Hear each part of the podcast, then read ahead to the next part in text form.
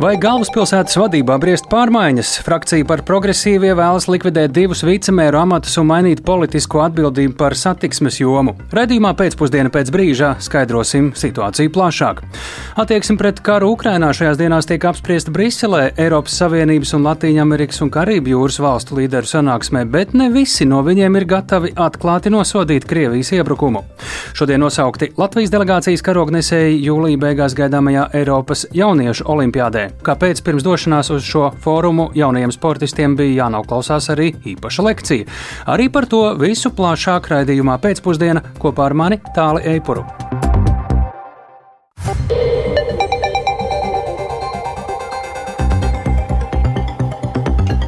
Ir 16,5 minūtes, skan pēcpusdienas ziņu programma, skaidrojot šodienas svarīgus notikumus. Studijā tālāk Eipurs. Labdien!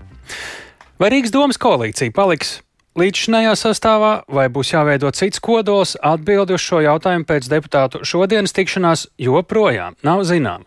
Koalīcijas sarunas ir iestigušas. Lai atrastu kompromisu, domas esošā kodola frakcijas vienotrai šodien piedāvāja dažādus risinājumus. Kādus?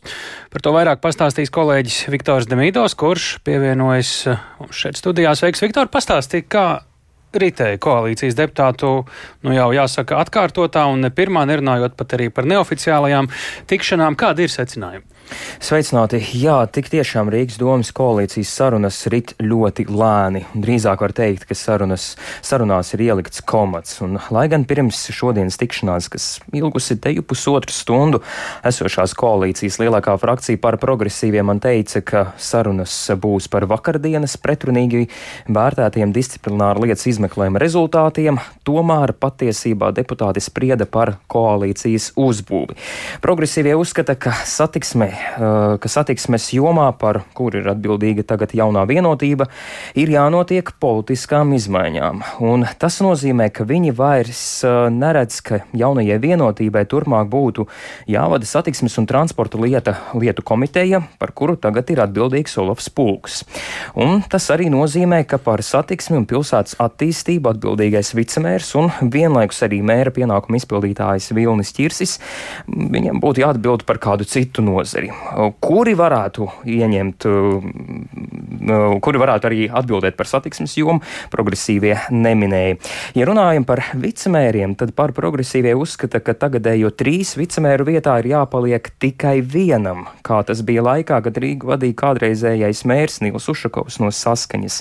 Tas nozīmē, ka progresīvie piedāvā likvidēt pašu pieņemto kārtību. Atcerēsimies, ka pirms trim gadiem, kad Rīgā notika ārkārtas vēlēšanas, izraudzījās trīs vicmērus, lai nodrošinātu koalīcijas stabilitāti un sekmīgu mērķu izpildi. Šodien frakcijas vadītāja vietniece Justīna Pantelējo paziņoja, ka tā iespējams bijusi kļūda, un trīs vicemēru amati viņas prāt veicinājuši skaudību un savstarpējo sāncensību.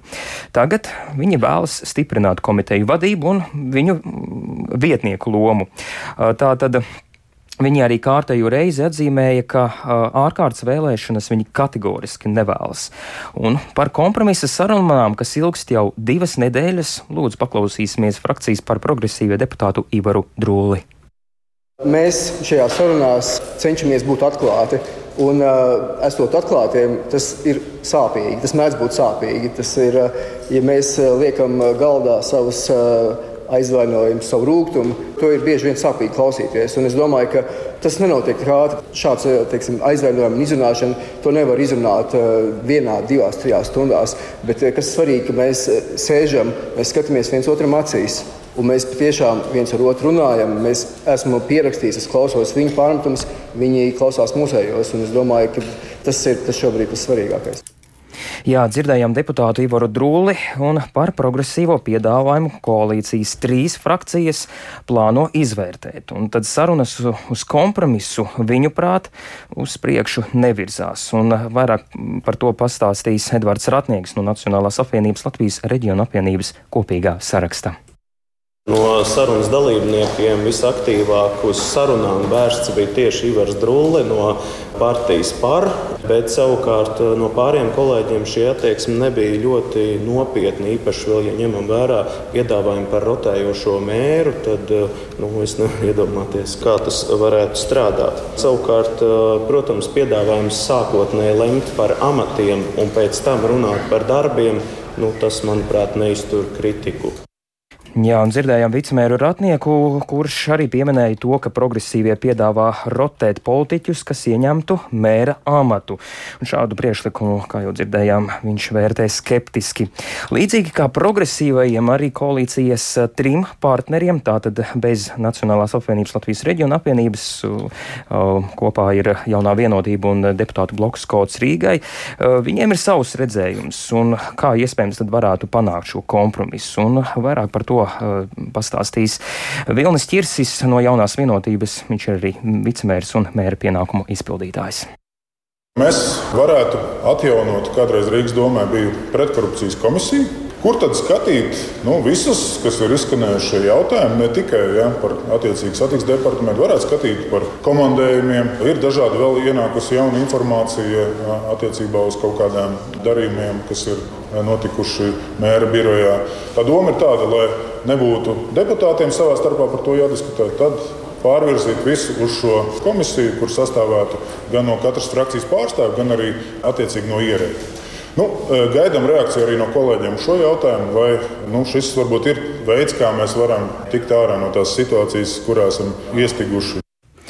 Tālūk, vicemērs Vilnis Čirsis. Jā, ja, ja runājam par nākamo tikšanos, tad pagaidām nav zināms, kad tā notiks, bet sagaidāms, ka tas varētu būt nākamā šonadēļ vai nākamajā nedēļā, jo jāņem vērā, ka um, deputātiem ir jāpasteidzas, lai nenotiktu ārkārtas vēlēšanas, bet pagaidām izskatās, ka nu, deputāti ir iebriduši dziļā, dziļā purvā. Cik tur vēl ir atlicis līdz tam divu mēnešu termiņu beigām kopš štāķu atkāpšanās? Septembra sākums tā. Septembra sākums. Paldies, Viktor! Viktoram Demidovam tik tālu par situāciju Rīgas domē un tās koalīcijā. Turpinām ar citu tematu, kam arī pievērsta plaša sabiedrības uzmanība. Sabiedrībai saprotamāk jāskaidro prokuratūras nostāja. Tā secināts pēc valsts prezidenta Edgara Rinkēviča un ģenerālprokurora Jūra Stukāna tikšanās. Šī saruna notiek vien dažas dienas pēc tam, kad pagājušo nedēļu Rinkēvičs kritiski izteicās par sodu, politiku, korupcijas un valsts drošības lietās. Sazinājāmies ar ģenerālprokuroru Juris Tūkānu, vaicājot, kāda bija saruna tieši spriežot par nesenajiem valsts prezidenta izteikumiem par sodu politiku, pie kādiem secinājumiem nonākts. To, ko prezidents norādīja, ka viņam radas jautājumi par soda samērīgumu un atbilstību šodienas ģeopolitiskai situācijai, tam es arī piekrītu, ka sabiedrība to var uztvert dažādi. Un piekrītu tam, ka nu, mums varbūt ir jādomā par komunikācijas veidiem, par papildus komunikācijas līdzekļiem, lai mēs maksimāli varētu sniegt sabiedrībai saprotamu, viegli uztveramu informāciju, lai sabiedrībai nav šaubu, ka prokurors ir rīkojies gan tiesiski, gan taisnīgi. Un šajā aspektā mēs nu, šobrīd tieši ir uzdots, un tuvākā laikā es domāju, ka mēs meklēsim papildus iespējas, kā uzlabot šo komunikāciju ar sabiedrību. Kā jūs uztvērāt signālu no valsts prezidenta, kur viņš lietoja formulējumu prokuratūrai saņemties? Sniegt skaidrs atbildes uz jautājumiem tieši par šo lēmumu skaidrošanu, par reakciju uz vardarbību, naida izpausmēm. Kā jūs uztvērāt šo signālu pēc būtības? Nu, nu es uztveru tā, ka nu, prezidents ir neapmierināts uh, ar dažu lietu iznākumu un uh, vēlas saņemt skaidrojumu, kāpēc konkrētā lieta, prokuratūras pozīcija tāda ir bijusi.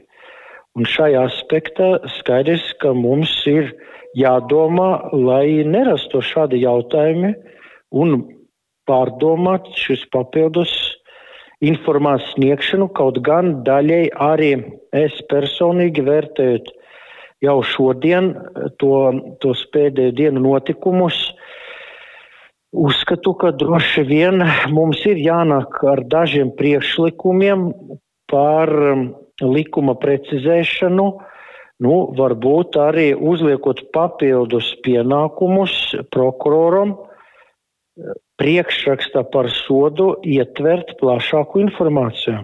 Vai jūs prāt esošā sistēma ir pietiekama līdz ar to, ņemot vērā, ko jūs nu pat sacījāt, lai adekvāti sodītu par naidarunu, par valsts nodevību, par vārdarbību īsumā, tīri konceptuāli? Jā, viennozīmīgi uzskatu, ka likumi atļauj maksimālas iespējas piespriest taisnīgu un tiesisku sodu.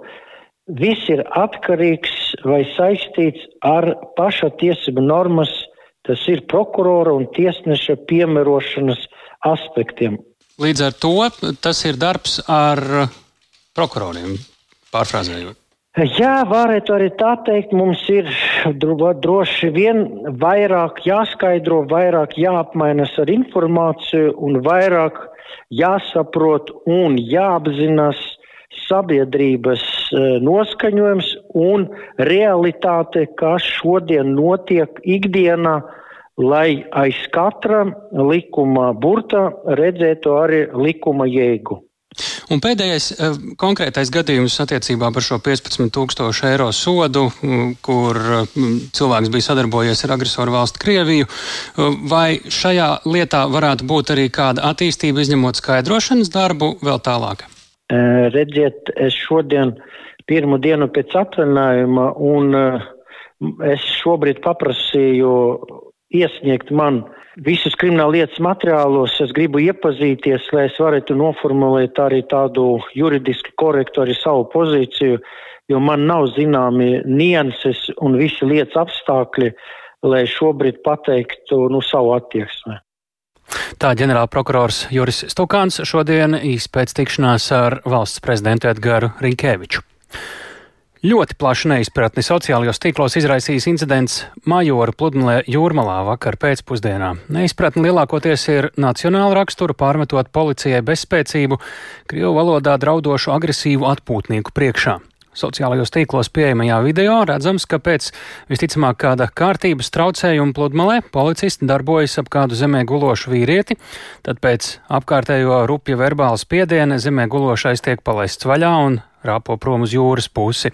Tikmēr pūlis ar eh, ražaniem krievu valodā runājošiem vīriešiem visai rupjā veidā mutiski mēģina aizdzīt policistus, arī rupjiem vārdiem izsakot draudus par fizisku ietekmēšanu. Palīgā ierodas eh, glābēju patruļa, bet eh, vēlāk arī kāda augstāka policijas amatpersona, kas aizsūties uz iesaistīto policistu mājās. Sociālajos tīklos izskan jautājumi, komentāri, piemēram, kā var būt tā, ka policists aiziet prom un ignorē šādu attieksmi. Normāli būtu, ja izsauktu palīgus un visus atpūtnieku kompāniju aizvest uz policijas iecirkni pārdomāt dzīvi, tiek prasīta amatpersonu komentāri, jautāts, kā kaut kas tāds ir iespējams mūsdienu Latvijā, īpaši uzmanību vēršot arī uz agresīvu pieprasīšanu sarunāties Krievu valodā un citiem ar Krievu valodu un tā sauktās Krievu pasaules izpausmes veidiem konkrētajā situācijā vispār Latvijā.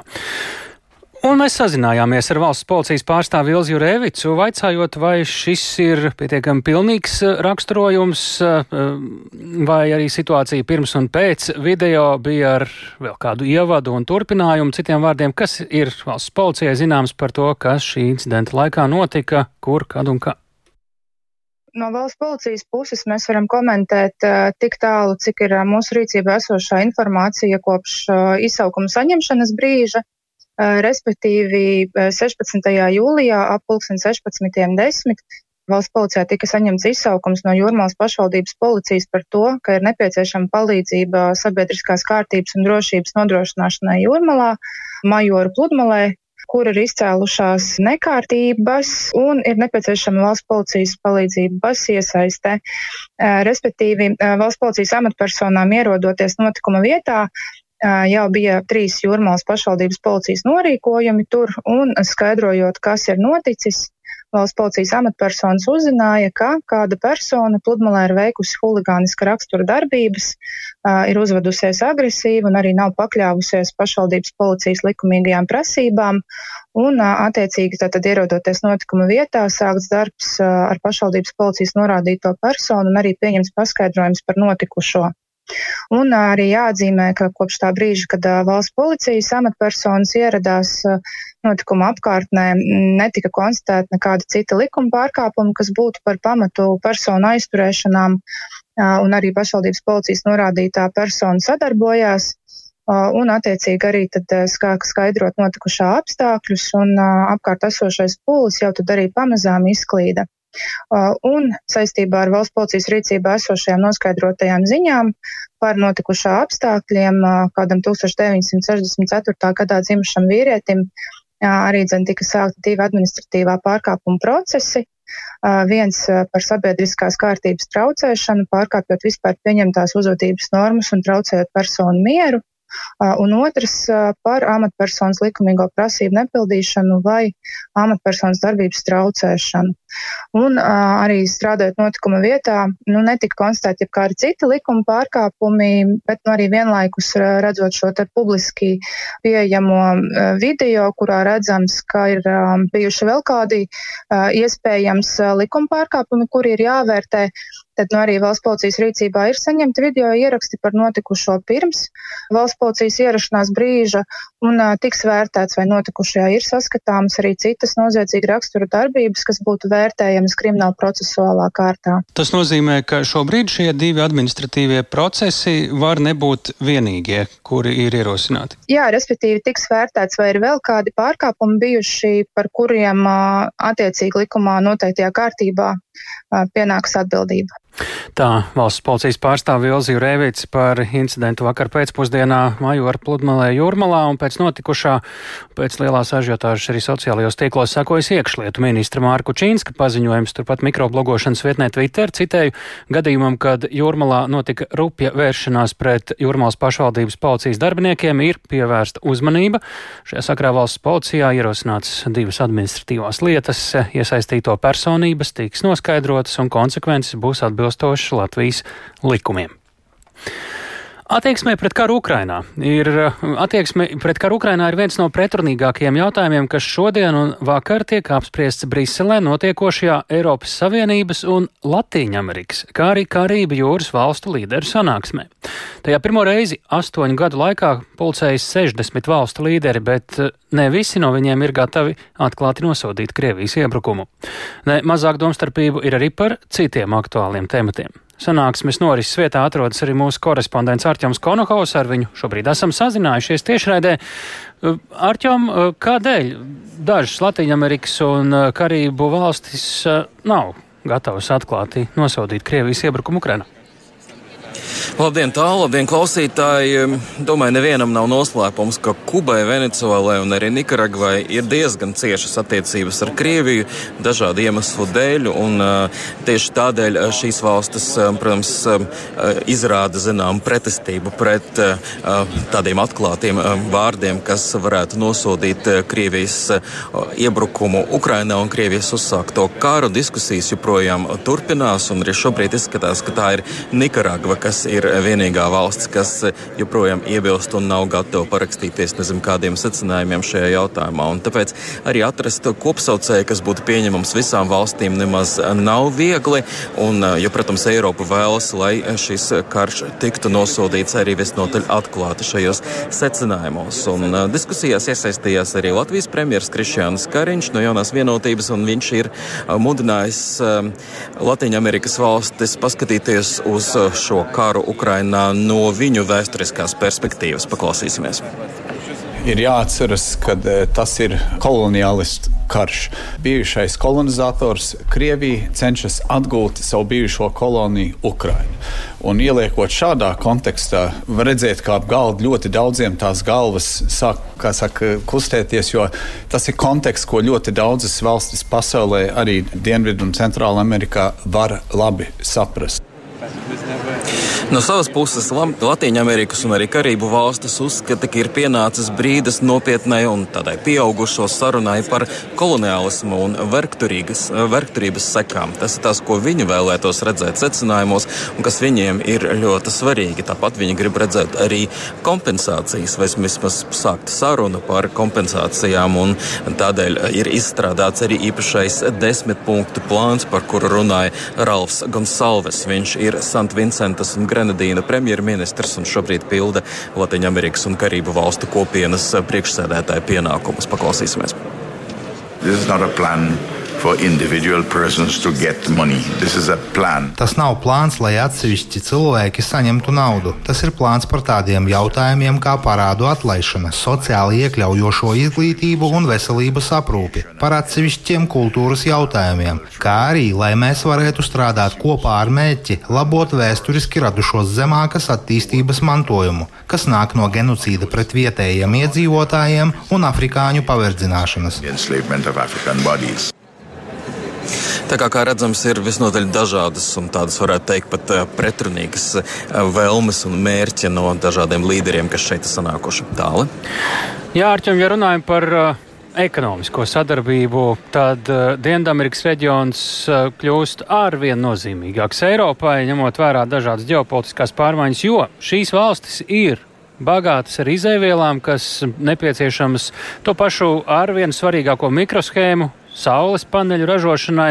Tomēr tas uh, progress ar uh, tirniecības līgumu slēgšanu un ratificēšanu, jāsaka, tā ir ļoti lēns. Kā tā? Tieši tā, progress ir ļoti lēns. Mēs zinām, ka ar Merkusūru valstīm, kas ir Argentīna, Paragvaja, Urugvaja un Brazīlija, šis līgums 20 gadus tika runāts par viņu, un arī tagad joprojām viņš nav parakstīts. Jau ir apmēram 4-5 gadi pagājuši kopš sarunas ir noslēgušās. Tas parāda, ka tiešām ir sarežģīti vienoties, un mūsdienu tirzniecības līgumi apaug ar dažādām prasībām. Vides aizsardzības jomā, cilvēktiesība aizsardzībā un tam līdzīgi. Un, pieņemsim, Eiropā ir ārkārtīgi būtiski, lai tādas valstis kā Brazīlija, pieņemsim, pārtrauktu Amazonas mūža mežu izciršanu. Un, tas ir viena vien no prasībām, bet pret šīm vides prasībām iebilst vairākas valstis Latvijā un saka, ka tas ir pa daudz no viņiem prasīts, ka viņi jau ir pievienojušies citiem līgumiem un nevēlas zem tā parakstīties. Tāpēc atrast kopsaucēju šeit nemaz nav. Vienkārši tomēr tas fakts, ka Brazīlijas prezidents Luis Ignacio Lula de Silva ir ieradies Briselē, jau pats par sevi ir labs signāls, laba zīme. Viņš sacīja, ka Amazonas meža izciršana tiks pārtraukta līdz 2030. gadam. Paklausīsimies! O Brasil, todo mundo sabe, vai cumprir com a sua parte na questão do clima. Nós temos um compromisso com o desmatamento. Kā visiem jau ir zināms, Brazīlija izpildīs savas saistības klimata jomā. Mēs esam apņēmušies līdz 2030. gadam pārtraukt Amazonas mežu izciršanu. Esmu to solījis savas priekšvēlēšanu kampaņas laikā un joprojām vēlos to izpildīt. Mēs ticam, ka tas ir nepieciešams. Ne tikai es, bet visi Brazīlijas iedzīvotāji tam tic. Bet šajā diskusijā mēs vēlamies, lai Eiropas Savienība saprastu vajadzību nodrošināt cilvēka cienīgus dzīves apstākļus 50 miljoniem iedzīvotāju, kuri dzīvo Amazonas mežos. Savukārt premjerministrs Kariņš sacīja, ka Latvija, protams, ir ieinteresēta attīstīt sadarbību ar šo reģionu un arī tirzniecību. Un, ja nevar parakstīt un ratificēt tādus mūsdienīgus, sarežģītus tirzniecības līgumus, tad varbūt būtu jāpakāpjas soli atpakaļ un jāmēģina tomēr panākt, palikt pie, tādas, pie tāda pamata, kas ir ekonomiskā sadarbība un varbūt šādi paraudzīties uz šiem līgumiem. Tā kā te diskusijas vēl ir priekšā. Tālāk. Paldies Arķimam Konohovam ziņojot par šobrīd Briselē notiekošo Eiropas Savienības un Latīņamerikas, kā arī Karību jūras valstu līderu sanāksmi. Krīmas tiltam šonadēļ notikušais uzbrukums, kas daļēji iznīcināja tā laidumus, traucējot automašīnu satiksmi, visticamāk sarežģīs Krievijas armijas loģistiku Ukrainas dienvidos. Uz to norāda ASV Domnīcas kara studiju institūts analītiķi. Tiesa, lielu triecienu loģistikai tas nedos, jo neskarta ir palikusi uz tilta esošā dzelzceļa līnija. Šobrīd uz tilta automašīnu kustība ir atjaunota daļēji. Plašāk Rihards Plūmi. Uzbrukumā Krimas tiltam iegruva viens no tilta laidumiem, bet vēl viens tika bojāts, un sākotnēji satiksme pār tiltu tika pilnībā apturēta. Tāpēc uz tilta vakar izveidojās kilometriem gari automašīnu sastrēgumi. Taču šodien Krievijas varas iestādes ziņoja, ka uz Krimas tilta daļēji ir atjaunota automašīnu kustība. Uz tilta ir noteikta reversā kustība, kas nozīmē, ka automašīnas pārmaiņas tiek laistas pāri tiltam vienā, bet pēc tam otrā virzienā. Rindas gan joprojām esot. Automašīnas no Krievijas uz Krimu dodas arī ar līkumu pa sauszemi caur okupētajām teritorijām. Krievijas ziņu aģentūras vēsta, ka pēc uzbrukuma tiltam kontinentālo daļu šķērsojušas vairāk nekā 3000 automašīnu. Tāpat turpinās arī prāmju satiksme. ASV Domnīcas kara studiju institūts analītiķi secinājuši, ka Krievijas loģistika Ukrainas dienvidos visticamāk būs apgrūtināta. Tiek norādīts, ka no okupētās Krimas bēgošie Krievu turisti iespējams sarežģīja satiksmi un Krievijas loģistiku no Krimas uz Zaporīžas un Hersonas apgabalu aizmuguras rajoniem. Okupācijas varas iestādes ir lūgušas civiliedzīvotājus apsvērt alternatīvus evakuācijas ceļus, lai mazinātu transporta problēmas. Tomēr tajā pašā laikā analītiķi norāda, ka neskatoties uz notiekošo, Krievijas un okupācijas amatpersonas turpina reklamēt okupēto Krimu kā turisma galamērķi.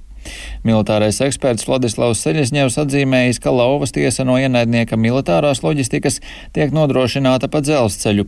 Tomēr uz tilta esošā dzelzceļa līnija uzbrukumā netika skārta, tādēļ būtisku traucējumu nebūs.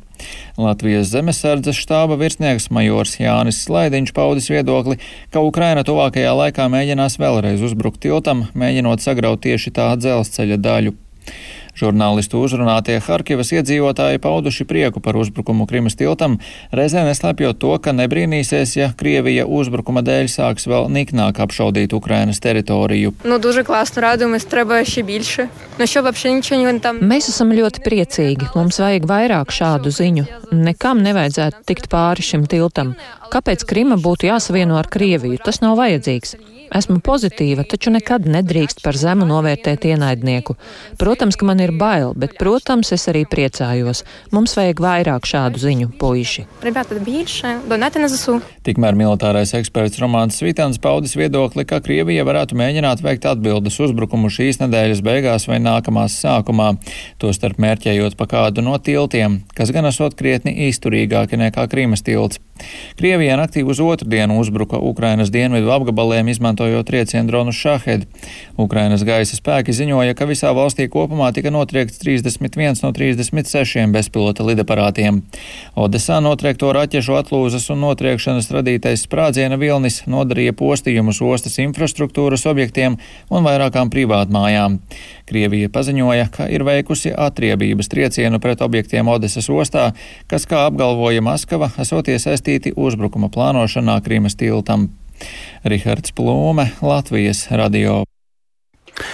Dziesmu un deju svētkos piedalījušies 40 560 dalībnieki no vairāk nekā 1600 kolektīviem, dažāda līmeņa koriem, ansambļiem, orķestriem, kapelām, folkloras kopām un vēl virknes citu veidu kolektīvu. Katram no šiem kolektīviem ir arī vadītājs, kuram algu maksā pašvaldība un valsts. Tiesa gan, pēc svētkiem izskan viedoklis, ka šis atalgojums ir pārāk zems. Šajā tematā šodien iedziļinājās Santa Ādamsone. Pašvaldība ar saviem amatieru kolektīvu vadītājiem noslēdza līgumus par atalgojumu.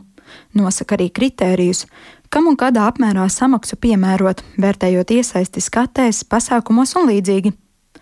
Par kolektīviem, kuri piedalās dziesmu deju svētkos, pašvaldības saņem naudu no valsts kārtību skaidro Latvijas Nacionālā kultūras centra dziesmu un deju svētku tradīcijas saglabāšanas un attīstības nodaļas vadītāja Sarmīta Pāvulēna. Šo mērķu dotāciju tātad um, ir noteikta summa budžetā, kas tiek sadalīta uz visiem kolektīviem, kas tātad piedalās šajās um, Latvijas Nacionālā kultūras centra veidotajos pasākumos. Šajā gadā mērķu dotāciju saņem 1603 mākslinieckie kolektīvi. Kopējā mērķa dotācijas summa šogad ir virs 984 tūkstošiem eiro. Ja to izdala ar kopējo kolektīvu skaitu, tad vidēji viena kolektīva vadītāja darba samaksai un sociālās apdrošināšanas obligātajai iemaksai pašvaldības rokās ir vidēji 613 eiro gadā. Tiesa gan kolektīvi iedalās divās grupās, kur vienā dotācija ir lielāka, bet otrā mazāka. Sarmīta Pāvilēna lūdzam dalīties ar piemēru, cik tad varētu saņemt kora vadītājs, kuram mēģinājumi ir piemēram divas reizes nedēļā. Principā varu teikt, ka gadā šāds kora vadītājs pirms nodokļu un nomaksas saņēma 800 eiro. Principā tā ir ļoti, ļoti neliels atbalsts no valsts puses, bet nu, tāds, tāds viņš šobrīd ir. Nacionālais kultūras centrs šobrīd strādājot pie tā, lai atlīdzību varētu paaugstināt.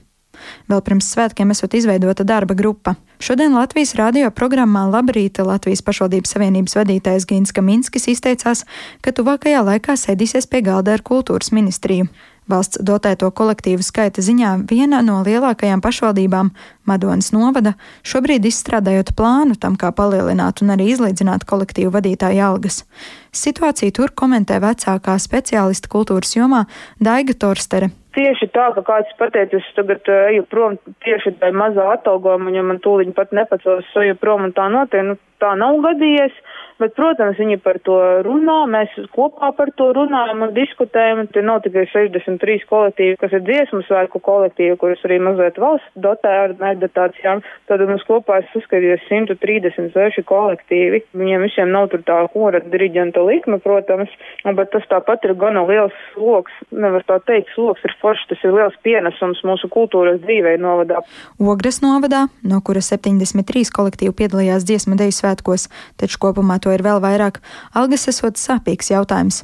Par to stāsta Ogres novada kultūras centra direktore Elīna Aupe. Mums pēc apvienošanās, kad apvienojās četri novadi, mums tā situācija ir ļoti, ļoti dažāda. Un tas, ko mēs primāri darām, protams, ka sakārtojam paralēli atalgojumu jautājumam šo te, tieši juridisko pusi, kā šeit no kolektīva vadītāji tiek noformēti darba attiecībās, jo tās līguma formas mēdz būt ļoti dažādas. Tikmēr Latvijas Kultūras akadēmijas prorektora zinātniskajā darbā Anda Laķa vērš uzmanību tam, ka zemajam atalgojumam ir arī riski.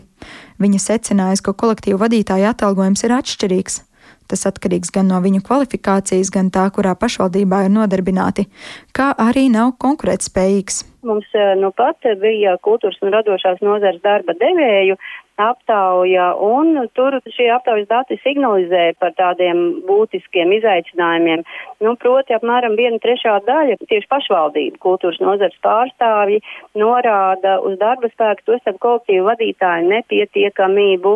Ja ir situācija, ka nevar piesaistīt kolektīvu vadītājs darbam, lai dziesmu deju svētu kolektīvus uzturētu, tad uh, tas jau ir tāds nu, būtisks signāls par to, kas tad uh, nu, uzturēs šo tradīciju spēkā. Anda Laķa uzsver, ka atalgojuma jautājums ir svarīgs arī no dziesmu un deju svētku kustības saglabāšanas viedokļa. Viņa piebilst, ka arī pētījumos un aptaujās dalībnieki atzinuši, ka kolektīva vadītājs ir galvenais kustības vilcējs spēks. Santa Adamsona Latvijas radio. Nu, par kādu citu sociāli svarīgu tematu ielūkosimies sporta pasaulē. Par Latvijas sportistu un parasportistu panākumiem jūsmo un priecājas daudzi, bet uh, tikai daži patiešām reāli zina, cik daudz grūtību ir jāpavar pirms spožā rezultāta. Tiešām tikai vienīgi abrīnu raisa Latvijas Paralimpiskās komitejas pāraudzītie sportisti, kuri sacenšas visaugstākajā līmenī par spīti kādām fiziskām nepilnībām, taču Latvijā ir arī atlēti ar garīga rakstura traucējumiem. Par Viņiem gan runā maz, kā arī valsts līmenī uzmanība un atbalsts ir ļoti niecīgs. Kāds ir tā saucamo speciālo sportistu, kāda ir tā saucamo speciālo sportistu loma Latvijas sporta hierarhijā, to ir pētījis kolēģis Mārtiņš Kļavinieks. No 17. līdz 25. jūnijam Berlīnē notika speciālā olimpiāde. Tas ir starptautisks pasākums, kurā dažādos sporta veidos sacensšas pasaules atlēti ar garīga rakstura traucējumiem. Arī Latvijas komanda piedalījās speciālajā olimpiādē, kur kopumā 26 sporta veidos startēja 6500 sportistu no 190 valstīm. Latvijas izlases dalībnieki Berlīnē izcīnīja zeltu bočā un badmintonā, kā arī 4. vietu futbolā, visu medaļu komplektu peldēšanā kā arī zeltu, divus sudrabus un bronzu vieglatlētikā. Latvijā speciālo sportistu sacensības un arī treniņu procesu pārauga biedrība Latvijas speciālā olimpiāde. Šī biedrība ik gadu caur Latvijas Paralimpisko komiteju saņem finansējumu no izglītības un zinātnes ministrijas, kas ir aptuveni 20 tūkstoši eiro. Biedrības direktors Aigars Lasis Latvijas radio pastāstīja, ka mērķis ir ar vien vairāk bērnu, jauniešu un arī pieaugušo iesaistīt sporta aktivitātēs, lai vairotu viņu pārliecību par sevi, kā arī palīdzētu uzlabot dzīves kvalitāti. Kopumā Latvijā esot aptuveni 4000 speciālo sportistu, bet sacensībās piedalās mazāk. Sadarbība ar speciālajām skolām ir laba, bet milzu problēma esot notiekošais vispār izglītojošās skolās, kas realizē iekļaujošās izglītības programmas. Šie bērni neiegūst to, ko viņam vajadzētu iegūt. Vienkārši iemesla pēc, tur pedagogs iziet 36 stundas, un viņš ir speciālists strādāt ar bērniem ar speciālām vajadzībām. Tas būtu tāpat, kā cilvēks iziet 36 stundas, un man ir ķirurgs griezīs. Ja? Es esmu bijis izglītības zinātnes ministrijā tikšanos ar vispār izglītības skolu direktora vietniekiem izglītības jomā un pastāstījis par speciālo olimpiādu un uzaicinājis tiem, kam ir šie speciālie bērni skolā, piedalīties mums sacensībās nav bijis neviens. Bēdīgi. Nu, man rodas iespējas, ka neviens ar viņiem nestrādā. Pēc pagājušā gada saimnes vēlēšanām jaunais sasaukums sporta apakškomisijā aktīvi sāka strādāt pie jaunās sporta likuma redakcijas. Pagaidām gan process ir iestrēdzis, jo izglītības un zinātnes ministrijas sporta departamenta direktora amatu nesen atstāja Edgars Severs. Aigars Lāsis uzsvēra, ka speciālie sportisti līdzšinējā sporta likuma izpratnē nemaz neeksistēja, gluži tāpat kā bieži vien mūsu ikdienas dzīvē. Paņemiet sporta likumu. Tur ir tā, ir normālie sportisti, sportisti ar īpašām vajadzībām, kas ir ar normālu intelektu, bet viņam ir kaut kādas īpašas vajadzības, fizika trūkumi, ja, ar ko nodarbojas Latvijas Paralimpiskā komiteja, bet cilvēki ar speciālām vajadzībām vispār nav. Tas mums kā padomju laiks palicis vēl ir, ka tādu nav, ka tie tik slēpti. Nav viņu. Es esmu cīnījies jau gadus piecus par to, ka mums ir jābūt sporta likumā. Izglītības un zinātnes ministriju komentāram šajā jautājumā Latvijas radio uzrunāja jau pirms nedēļas, taču līdz vakardienai tā arī neizdevās iegūt viņu oficiālo viedokli. Ministrijā skaidroja, ka šis jautājums ir pārāk specifisks, lai to komentētu virspusēji. Darbinieki, kas to var komentēt padziļināti, devušies atvaļinājumā. Savukārt Saimas sporta apakškomisijas vadītājs Dāvis Mārtiņš Daugavietis no jaunās vienotības Latvijas radio sacīja, ka noteikti jāizpēta ārvalstu valstu pieredze, kā arī jādiskutē par speciālo sportistu definējuma iekļaušanu jaunajā sporta likumā. Teikšu, kā ir viņi paši, man nav uzrunājuši līdz šim, bet tā man izpēta tāda, ka šeit noteikti ir vietas sarunai. Tāpat esmu informēts par to, ka arī Latvijas Paralimpiskā komiteja iestājās šajā starptautiskajā organizācijā, kas tieši pārstāv šos cilvēkus ar uh, garīgās veselības traucējumiem un šos sportistus. Bet arī nu, šīs darba grupas ietvaros, domāju, ka mums tur ir vieta diskusijai par to, vai šis te ir jāiekļauj sporta likumā. Daugavietis cer, ka sporta likuma izveidēja sasauktā darba grupa savu darbu sāks jau pirms saimas vasaras brīvdienu beigām. Tikmēr speciālie sportisti ir mums līdzās, bet bieži vien paliek neievēroti vai apzināti izolēti no pārējās sportistu vides. Mārtiņš Kļavinieks, Latvijas radio. Mārtiņš Kļavnieks arī šeit eh, pie mums studijā. Mārtiņa, eh, sveiks! Es eh, zinu, ka šim ierakstam, ko tikko dzirdējām, ir arī garāka versija uh, LSMLV. Jā, sveiki, radioklausītāji, sveiks tālu. Jā, LSMLV uh, sporta sadaļā var to meklēt. Uh, trešais raksts no augšas, un tur arī plašāk versija, jā, tur arī varat dzirdēt Nadiju Strasdiņu, ukrainieti, kur jau vairāk nekā 20 gadus dzīvo Latvijā, un jau vairāk nekā 20 gadus arī strādā ar speciālajiem sportistiem, trenē un arī rehabilitē un dažādi citādi palīdz. Vēl krietni klātesošāk nekā tikko dzirdējām, bet tu šeit esi patiesībā vēl viena cita iemesla dēļ arī, jo Latvijas Olimpiskās komitejas vadība šodien ir paziņojusi Latvijas delegācijas karognesējs jūlija beigās gaidāmajā Eiropas jaunatnes vasaras festivālā, ja vienkāršāk sakot, jauniešu olimpiādē. Un zināms, ka sarkanbalts sarkano karogu stadionā Slovenijas pilsētā Mariborā ienesīs tenisisti Adelina Lečīnova un džodists Nikita Afanasjevs. Te jāpiebilst, ka eh, pēc karognesēja izziņošanas jauniem sportistiem šodien notika arī īpaša lekcija par uzvedību sacensību laikā un ārpus tām. Par ko tajā bija runa, jo nu, lekcijā eh, jau tūlīt nelielu ieskatu Mārtiņš arī ir gatavs eh, mums sniegt. Un pirms ķeramies pie šīs lekcijas, pirms eh, tomēr ir jāatgādina, kas īsti ir Eiropas jaunatnes olimpiāda, cik bieži tā notiek, kas tajā sacenšas, cik tas ir svarīgs notikums. Jā, nu pavisam īsi ekvivalents Olimpiskajām spēlēm, tikai Eiropas mērogā, un jauniešiem no 14 līdz 18 gadu vecumam notiek gan vasaras, gan ziemas olimpiāda parasti vienā gadā. Šogad gada sākumā bija ziemas, tagad būs vasaras. Nu, ik pēc gada notiek viena gada izlaiža, nākamajā notiek tāda tā kārtība. Hmm, un tas svarīgums, attiecīgi, to raksturoja olimpisko, olimpiskā līmeņa ekvivalents. Jā, tur uz vietas viss notiek jā. tieši tā kā Olimpiskajās spēlēs.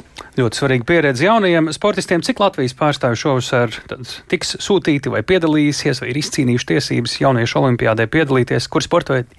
Jā, kopumā 48 jaunie atlēti un uh, sporta veidi 8, 3 pret 3 basketbols, judo, peldēšana, skateboards, tenis, vieglatlētika, vingrošana un divas riteņbraukšanas gan, gan MTB, tātad kalnu, gan arī nosseis. Tie, kur Latvijas sportisti piedalīsies. Bet mēs jau ievadā dzirdējām par šo uh, īpašo lekciju uh, pēc karoga nesēja izziņošanas, kāpēc tai būtu pievēršama īpaša uzmanība un ko tu tur sacīji. Jā, es uh, ne pirmo reizi paviesojos šādā te, nu, uh, delegācijas izziņošanas pasākumā, ja mēs to varam teikt, un katru gadu ir bijusi šāda lekcija. Bet, uh, tieši nu, jauniešiem. Tieši mhm. jauniešiem, mm. jā, bet ar katru gadu tas kļūst aizvien tāds detalizētāks, jo nāk ar jauno tehnoloģiju, nu, vēl vairāku, vēl mēroga palielināšanos nāk vēl vairākas nianses klāt klāt. Un, jā, šodien Olimpiskā komiteja informēja nu, gan par dažādām sadzīviskām lietām, kas tur gaidīs uz vietas jauniešus, bet viena no lekcijas sadaļām bija veltīta antidopinga pasākumiem un arī sociālajiem tīkliem. Vairāk par to tūlīt pastāstīs Latvijas delegācijas vadītāja vietniece Marta Taima. Šī lekcija ir ļoti jauniešiem nepieciešama, jo informatīva lekcija par to, kā izskatīsies tur uz vietas Eiropas jaunatnes olimpiādē. Un, protams, viens no tādiem nopietnākajiem punktiem ir šis medicīnas jautājums un antidopinga jautājums, kur jaunieši tiek gan instruēti, kā varētu būt, ja ir antidopinga kontrole un vispār par antidopingu, kas tas ir un kā rīkoties, kā sevi pasargāt. Mums ir jāievēro punkti sociālajos tīklos, kā mēs sevi reprezentējam, ko mēs runājam. Tā kā šis ir starptautisks pasākums, tad uh, bieži vien ar jauniešiem arī ļoti būtiski ir izrunāt žestu valodu. Jo tādēļ, kad mēs esam no ļoti daudzām valstīm, kultūras un tradīcijas atšķirās, un lai mēs viens otru neaizvainotu, negribot neaizvainot. Jā, tālāk Maru Taima, tātad Latvijas delegācijas vadītāja vietniece šajās Eiropas eh, jauniešu olimpiskajās spēlēs. Nu, jā, par žestiem, nu, arī man skolā mācīja latviešu valodas skolotāji, ka īkšķis uz augšu ne visās valstīs nozīmē. Uz austrumiem, jā. Jā, tur tas ir kaut kas, nu, varētu pateikt, nepiedienīgs. Tas nevienmēr nozīmē viss kārtībā. Bet eh, par aktivitātēm sociālās saziņas vietnēs tas bija tāds liels pieturs punkts tieši šajā lekcijā, un tur arī es eh, tam pievērsu vislielāku uzmanību, jo, piemēram, tie pieturs punkti, ko uzsvēra jauniem sportistiem. Latvijas Olimpiskās komitejas pārstāvi bija, nu, ka ieraksti jāveic tikai pirmās personas formā, piemēram, un dienas grāmatas veidā. Tas bija viens no punktiem. Tāpat arī neatklāt personīgu vai konfidenciālu informāciju ne par sevi, ne par citām personām, cienīt un respektēt individu organizācijas godu, reputāciju, privātumu un tiesības. Nu, un tāpat arī ieraksti bez naida, aizspriedumiem, rasisma, reliģiskas vai politiskas propagandas, šķelšanas vai diskriminācijas, un arī nedrīkst uh, šie jaunieši nodarboties ar žurnālistiku, jeb atspoguļot sacensības kā žurnālisti. Nepiedara retiesība. Jā, viņi tikai par sevi, tikai par savām sekmēm. Nu, re, daudziem no viņiem vienkārši tas ir pats pirmais tik liela mēroga sporta pasākums, un līdz ar to pilnīgi loģiski šāda veida instruktāža. Interesanti, protams, arī var piebilst, jā, ka divi karognesēji un um, karognesēja meitene, 16-gadīgā tenisista, bija ļoti, ļoti nobijusies no uzmanības. Televīzijas kameras un telefoni un radio mikrofoni pēkšņi viņai sejā. Un, nu, meitene tiešām bija ļoti sakautrējusies, bet puisis, gods kam gods, bija stiprais plecs un, un šo situāciju glāba un uh, komentēja, kā, viņ, kā viņš jūtas, uh, kļūstot par karognesēju. Sākosim līdz šim notikumam jūlija beigās. Uh, uzzināsim droši vien daļu labu Latvijas sporta nākotnes svarīgu uzvārdu.